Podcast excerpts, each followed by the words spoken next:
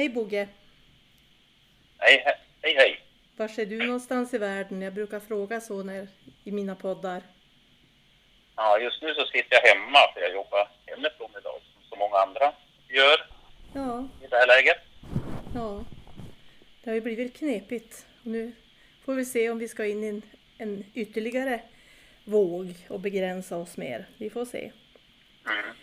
Ja, Men- vi får hoppas att, att det inte blir så, men ja. Ja. Men ja, jag sitter hemma i Vilhelmina vid mitt köksbord och solen håller på att gå ner över sjön. Sjön håller på att frysa. Det är jättevackert ute. En fantastiskt fin fredag. Men vem är Bogge och vad sysslar du med? Ja, eh, jag heter ju då Bogge Bålstad och eh, just nu så jobbar jag som affärsutvecklare och projektledare i projektet Mimer och eh, i Vilhelmina kommun sitter jag då. Så det sysslar jag med just nu. Vad gör det Och, projektet eh, då? Det projektet, det är ju en, eh, ett, ett projekt som innefattar tio kommuner i inlandet, om man säger R10. Åtta inlandskommuner plus Arvidsjaur och Arjeplog. Och vi jobbar ju då eh, riktat mot att satsa framförallt just nu på drabbade företag, men även med kompetensfrågor, innovationsfrågor, eh, ägarskiften och så vidare. Så att vi stöttar företag på lite olika sätt just nu. Mm. Viktigt arbete kan jag tänka. Ja, det är ett ganska viktigt arbete. Det är många som har haft det tufft under den här eh, tiden som har varit nu. Så Ja, de behöver lite, lite stöttning på olika sätt. ja, det behövs verkligen en omstart. Eh, Ja, Men du, vi spelar ju in en podd du och jag länge sedan, avsnitt 10 tror jag det var. Och nu är vi ju framme på avsnitt Mm. 43 så att det, det är länge sedan och då pratade vi omkring mackdöden. Eh, för då jobbar du, du med eh, frågor som handlar om just eh, drivmedel och mackdöden som förespeglades att 2022 så skulle ju otroligt många mackar ha försvunnit. Och sen dess har det ju hänt rätt mycket tänker jag. Och hur ser det egentligen ut nu? Och just det här med bränslepriser och ja, det är så mycket som snurrar runt just om hur ska vi klara utav liksom försörjningen framåt. Men hur ser det ut när det gäller mackdöden? ja men precis som du sa, det var ju ett tag sedan eh, så vi hade det första samtalet i den här podden och, och då var jag i början av ett arbete som jag gjorde i Svensk bensinhandel att försöka stoppa mackdöden som skulle komma. Och, och redan då vi- visste vi att den första juli 2022 skulle träda i kraft en massa lagar, eller en lag framför allt, som innebär att man måste eh, rostskyddssäkra rör som ligger på, i backen på drivmedelsanläggningar. Och att det skulle kunna ställa till problem för våra små mackar ute i landet, för det är väldigt kostsamt och omfattande arbete. Och, eh, sen jag började, och, eh, och då jobbade jag åt Svensk bensinhandel. Eh, Nu har jag då börjat jobba för Vilhelmina kommun och egentligen så är det samma fråga som jag började med att jobba med inom kommunen också titta på eh, de drivmedelsanläggningar som finns inom kommunen och även då till viss del inom region 10. Hur ser, hur ser eh, situationen ut för de drivmedelsanläggningar som finns? Och eh, nu har vi ju bara eh, drygt ett halvår kvar tills den här lagen träder i kraft. Så det har varit ett väldigt intensivt arbete då egentligen under, under de, det vill säga från april, maj månad och fram till nu med att försöka eh, skapa någon form, av hanterbar situation för de här mackarna som står inför, dem, inför de här eh, förändringarna. Så, att, så, så att det, det är vad som har hänt nu egentligen och det har varit ganska stora påtryckningar mot politiker, riksdagspolitiker och även, ja både från ens, enskilda personer och mackar men även också från Region 10 som har drivit, drivit frågan ganska hårt. Mm. Det känns som att vi står i någon sorts vägskäl när det gäller drivmedel och energiförsörjning överlag. Att, att det händer väldigt mycket, det, man känner sig ganska rådvill. vart är vi på väg? Hur ser det ut med biodiesel? Hur ser det ut med ja, vätgas, el? Det är tusen frågor som snurrar runt just nu. Och Ja. när man ska tanka så blir man ju inte särskilt lycklig när man inser att eh, det är väldigt högt bränslepris. För oss då i inlandet som är tvungen att köra bil. Ja.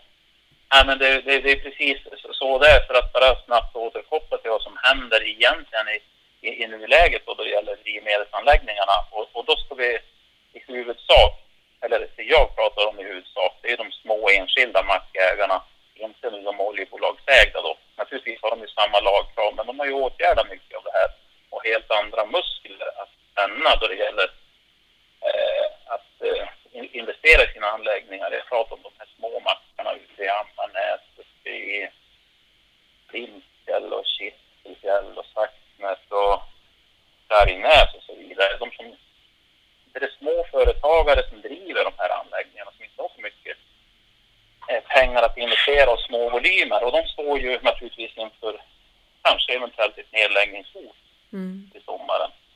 Och det är Och, klart, och, och, och, och, och det är det som händer nu då. Så att egentligen så har det inte förbättrats på den sidan. Men, man, men vi börjar ha koll på vilka de här anläggningarna är och, och få en, en känsla för hur det kan slå mot, eh, mot samhället. Mm. Ja, för jag tänkte det är ju inte bara liksom bilar som tankar utan det är ju liksom skotrar och, och eh, ja, traktorer och Ja, besöksnäringen och hela den delen. ja, Ja, arbetsfordon precis. ifrån olika Mm. ja, skog och jord och Ja. snöröjning och allt vad det Ja. kan vara. Mm. Men, men det man kan säga som är positivt det är det att arbetet har gett, gett, resultat. Oavsett vad vi får för vilken budget det är som går på igenom så vill nu samtliga partier lägga pengar eh, till en form av bidrag som ska hjälpa de här anläggningarna att ställa om Mm. och, och ta de här investeringarna. Och, och hur långt de pengarna räcker, det, det vet vi ingen. Eftersom just nu så pågår det en, en nationell inventering som Tillväxtverket var, har efterfrågat. Och den sista november så, så vill man ha in eh, från samtliga regioner hur många anläggningar finns det som, som är i farozonen att, att få stänga om man inte kan göra de här åtgärderna. Mm. För vi pratar ju också ganska mycket om el och man ser ju, ja men det Mm. snurrar ju fler och fler elbilar runt även om det i min kommun inte finns särskilt många eh, helt, Mm. ja hel, som inte liksom är laddhybrider utan som är helt driven av el så är det ju en handfull kanske. Eh, och det är klart att, Mm. men många funderar, jag, jag själv funderar, jag var och tittade på Polestar, jag var nere i Stockholm och jag tittade på den. Jag var och tittade på Ford Mach-E som gammal eh, Mustang-ägare så eh, tycker jag den är trevlig. Jag tittar på en massa andra bilar och jag funderar hur ska man göra? Alltså hur, hur ska man tänka? Och, och jag tänker att det är väl fler än jag som går och funderar hur ska man tänka? För man vill ju vara klimatsmart och man vill liksom ta det här ansvaret att få ner eh, utsläppen. Hur, hur, Mm, precis. Nej, men du, det är nog många som, precis som du säger, många som funderar på det just nu. ja, Vad är det? och det, Vad är men, men, ja. för jag tänker att det är ju också, det behöver ju också en laddinfrastruktur för de här. Jag vet att i Kittelfjäll så har man ju beviljat stat, man har pekat ut från statens sida en massa punkter där det behövs liksom eh, finansiering utav laddstolpar. Mm. Men att då, och där är bland annat Kittelfjäll och Stalon utpekad i min kommun. Då. Det är fler orter som är utpekad. Men jag vet att då finns det inte tillräckligt med el för att bygga det här uppe i Kittelfjäll, om jag förstår det rätt. Har du, vad- vad vet du om det? Ja, nej, men det, det, ja, men det, är, det är precis som du säger, för att det är också en fråga som vi jobbar parallellt med i kommunen. Och, och eh, för samtidigt som man fasar ut de fossila drivmedlen så ska vi ju fasa in en annan typ av drivmedel. Och eh, ja, som du sa så, så trycker staten på ganska hårt i att vi ska ställa om oss. Och, det kommer till att ske en omställning, det är ju bara frågan om när. Mm. Och, och det stora problemet är ju då, precis som du säger, att eh, det finns ju helt enkelt inte tillräckligt nätkapacitet på många av de här områdena som man har satt som strategiska punkter för att ha ladd, laddstationer i. Då. Ja. Och, ja, och det är ju någonting som då man inte heller kan få påverka från kommunens sida annat än kanske att föra eh, dialoger löpande med, med de stora eh, nätägarna. Att, eh, hur, hur ser det ut i utbyggnadstakt och så vidare. Mm. Och där kan man ju tycka så här, Vattenfall ja. som tar så mycket el. Från vattenkraften här i, i, i Norrlands inland borde väl kanske vara lite mer eh, intresserad av också vara med i framtiden och hjälpa till att investera. Ja. Så kan man ju tycka. Ja, och, ja och, och, jag tror att de försöker allt de kan för att samtidigt som, som den, den här typen av eh, omställningar trycker på så vet jag att industrin behöver, behöver eh, enormt mycket kraft om också så att eh, man bygger ju även någonstans så tror jag de prioriterar vad, vad ska vi bygga elkapacitet för just nu. För att det är något som också bromsar etableringsverksamhet och tillväxt just nu i, i hela norra Sverige att vi inte har tillräckligt med nät. För, för, för elen finns ju som sagt och vi exporterar ju el just nu men vi har ju inte eh, nät som klarar av att leverera kapacitet. Mm. Och så är det lite ojämnt över dygnet och vi i norrlänningar ja. kommer till att behöva varenda kilowattimme själv. Vi kommer inte till att kunna leverera ut från norra Sverige för vi kommer till att behöva varenda kilowattimme för den gröna omställningen ja. som sker. Ja, men Green Steel och, och, omställningen runt batterifabriken i, Nås, i Skellefteå och så. så att det, ja, det är ja, jättespännande precis. att se vad det kom till.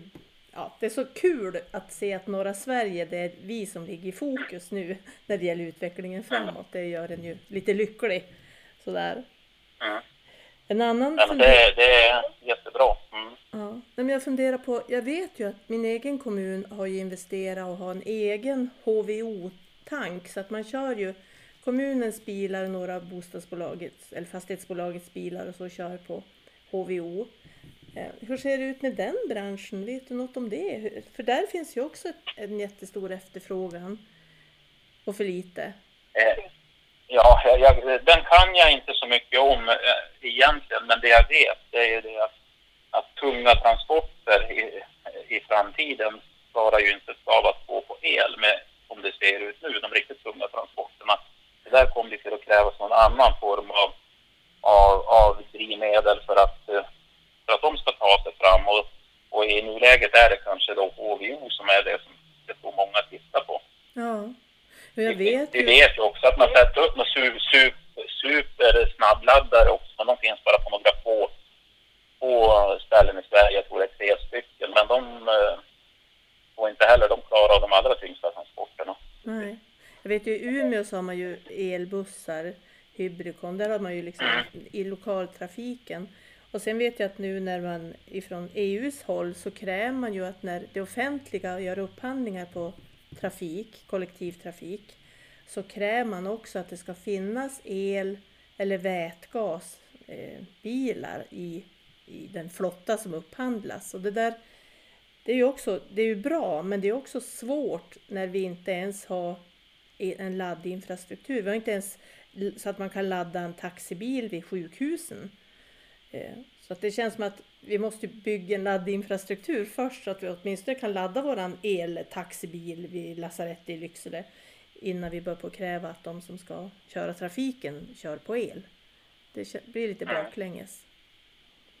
Mm. Ja. Men eh, hur ska vi tänka då som inlandsbor? Har du något? Jag tror att man, jag tror att man ska vara väldigt lyhörd för utvecklingen och, och, och, följa med vad som händer för att eh, det är ju så, det, det är oundvikligt att vi kommer till att hamna i, i, i att vi kommer till att köra en elbil. Det är bara frågan om när vi kommer till att göra det. Och eh, det är så, så många olika faktorer som styr då hur man ska ja, hantera det här, vilka andrahandsvärden som finns, hur, hur ser tekniken ut, hur funkar de med kyla och så vidare. Det är ju den ena delen, men för att vi överhuvudtaget ska våga köpa sin elbil i inlandet så krävs det också att det finns någon ställe, något ställe att ladda den. Mm. Så att det, det, här måste gå hand i hand. Att jag, när, när vi väl börjar få en bra eh, infrastruktur med, med laddpunkter och laddstationer så kommer det nog till att ge sig självt att vi vågar börja investera i elbilar också. Mm. Sen kommer säkert priserna att sjunka på e, elbilar. Eh, ju, ju, ju, mer bilar som produceras och, och ju mer teknik som, ju mer man utvecklar tekniken till dem. Det tror jag. Mm. Men tack det är jätte, jättesvårt att, ge något tips som är att så här blir det. Det, det vågar jag inte ge mig på. Jag hörde någon som sa att eh, utvecklingen när det gäller batterier går så fort så att redan 2025 Mm. kommer till att vara en helt annan typ av batterier i våra bilar som gör att man kan säkerställa både det här med e, ja, kylan och att man, man tar sig fram och tillbaks till Umeå till exempel på, på en laddning. Eh, Sen såg jag också att Mercedes gick ut ganska hårt och marknadsförde att det var deras bilar som klarar av norr, norrländska klimatet. Så det är klart att det, det, är, det är en kapplöpning också att få fram de här eh, mer ja, bilarna som tar sig längre och som klarar kyla. Mm. Så det är klart det, det går Ja, nej, men så, så är det ju. Och, och, och ibland tror jag att man, precis som, som vi brukar säga, vi som bor här uppe, ibland skulle det nog vara bra om någon besökte den här landsänden och, och titta på hur det, ser, hur det ser ut i verkligheten och hur de här, ja, hur det verkligen fungerar med avstånd och så vidare. Mm. Det, det tror jag, det tror jag var var jätteviktigt. För det, för det brukar ändå landa någonstans i att man, man förstår problematiken på ett helt annat sätt. Ja, för det är ju många som, kan, som också tycker att ja, men det här är bara en det är bara en fluga med elbil och vi kan köra på bensin och diesel som vi alltid har gjort. Vi kommer alltid till att behöva bensin och diesel. Vi, vi, vi ska köra våra ja, skotrar och traktorer och bilar och så som det ser ut, i- som det har sett ut. Och det, då kan jag tycka att det är lite svårt att svara, liksom bemöta det. Eh, för vi, på något sätt så, ja men vi kommer inte till att kunna köra på fossila bränslen. Vi måste hitta någonting annat. Mm. Så är det. Ja. Men det, det är lite svårt att ta den diskussionen på något sätt när man inte riktigt heller kan känna sig riktigt, ja men att det är 100% elbil eller vätgas eller HVO eller vad det är. Utan det är tusen frågetecken fortfarande. Det enda vi Ja, det, vet det, är att det, vi... det är väldigt många frågetecken och, och, och, och det är som precis som vi började med, vi började prata om här att, att det här, allting det här måste som ske parallellt för att eh, vi måste rädda de drivmedelsanläggningar vi har. Ja, även om de på sikt kanske inte finns kvar så måste vi se till att vi säkrar dem då 15 20 år till. Så att, Mm. vi, så att vi i den här landsänden kan ha någon form av alternativ drivmedel samtidigt som vi måste bygga de här laddpunkterna parallellt med det här för Ja. att möta framtiden också. Och, och det är klart att allt det här är ju det är inga konstigheter i det. Vi är ju alla mån om, om, om vår miljö och, och hållbarheten. Men det är, det, det- det är viktigt att vi gör det här på rätt sätt. Ja. Jag. Tycker att det är så kul med de här människorna som går före, såna här early adapters som gillar teknik först och utforskar teknik och ligger i framkant. De här som, ja men nu, jag tänker på en, en äldre herre som har köpt en elbil eh, och liksom är kanske inte den här, man tänker sig att det ska vara liksom en yngre person som köper en elbil, men det är en äldre, äldre man som köp, köper elbil och tycker att det är fantastiskt. Alltså de här människorna driver ju faktiskt på utvecklingen också, för det är ju de som talar om för oss andra att ja men så här funkar det på, på riktigt. Så här funkar det inte i någon broschyr eller på någon hemsida för Polestar hur det funkar, utan, utan så här fungerar det på riktigt. Så att de människorna måste vi vara jätterädda om. Ja, det är jätteviktigt. Precis, det måste vi vara. Mm. Men vad ska du jobba med nu då framöver? Vad ligger framför dig? Jag, fort, jag, fort, nej, jag fortsätter att jobba med, med vad säger vi, med eh, att, att, eh, att, att hjälpa företag också med att de är intresserade av att sätta upp laddpunkter. För att det är ju faktiskt så, det finns ett stort intresse av just ladd, laddstolpar och laddpunkter. Vi hade ju en träff i, i Vilhelmina nu i början av den här veckan och då var det faktiskt 27 27 personer som anmälde sig för att, för att lyssna på hur ser fram, de här frågorna istället. Hur ser framtiden ut? Hur fungerar en elbil? Hur, hur ska vi tänka? Ska vi sätta flaggpunkter och så vidare? Mm. Så att vi kommer ju, eller jag kommer ju till att fortsätta jobba med den här frågan också. Och se hur vi kan hjälpa dem som är intresserade. Ja. För till exempel i våra fjällanläggningar, säger vi campingar, hotell och så vidare. De kom, det kommer till att krävas att det finns den här möjligheten om att få besökare som har elbil.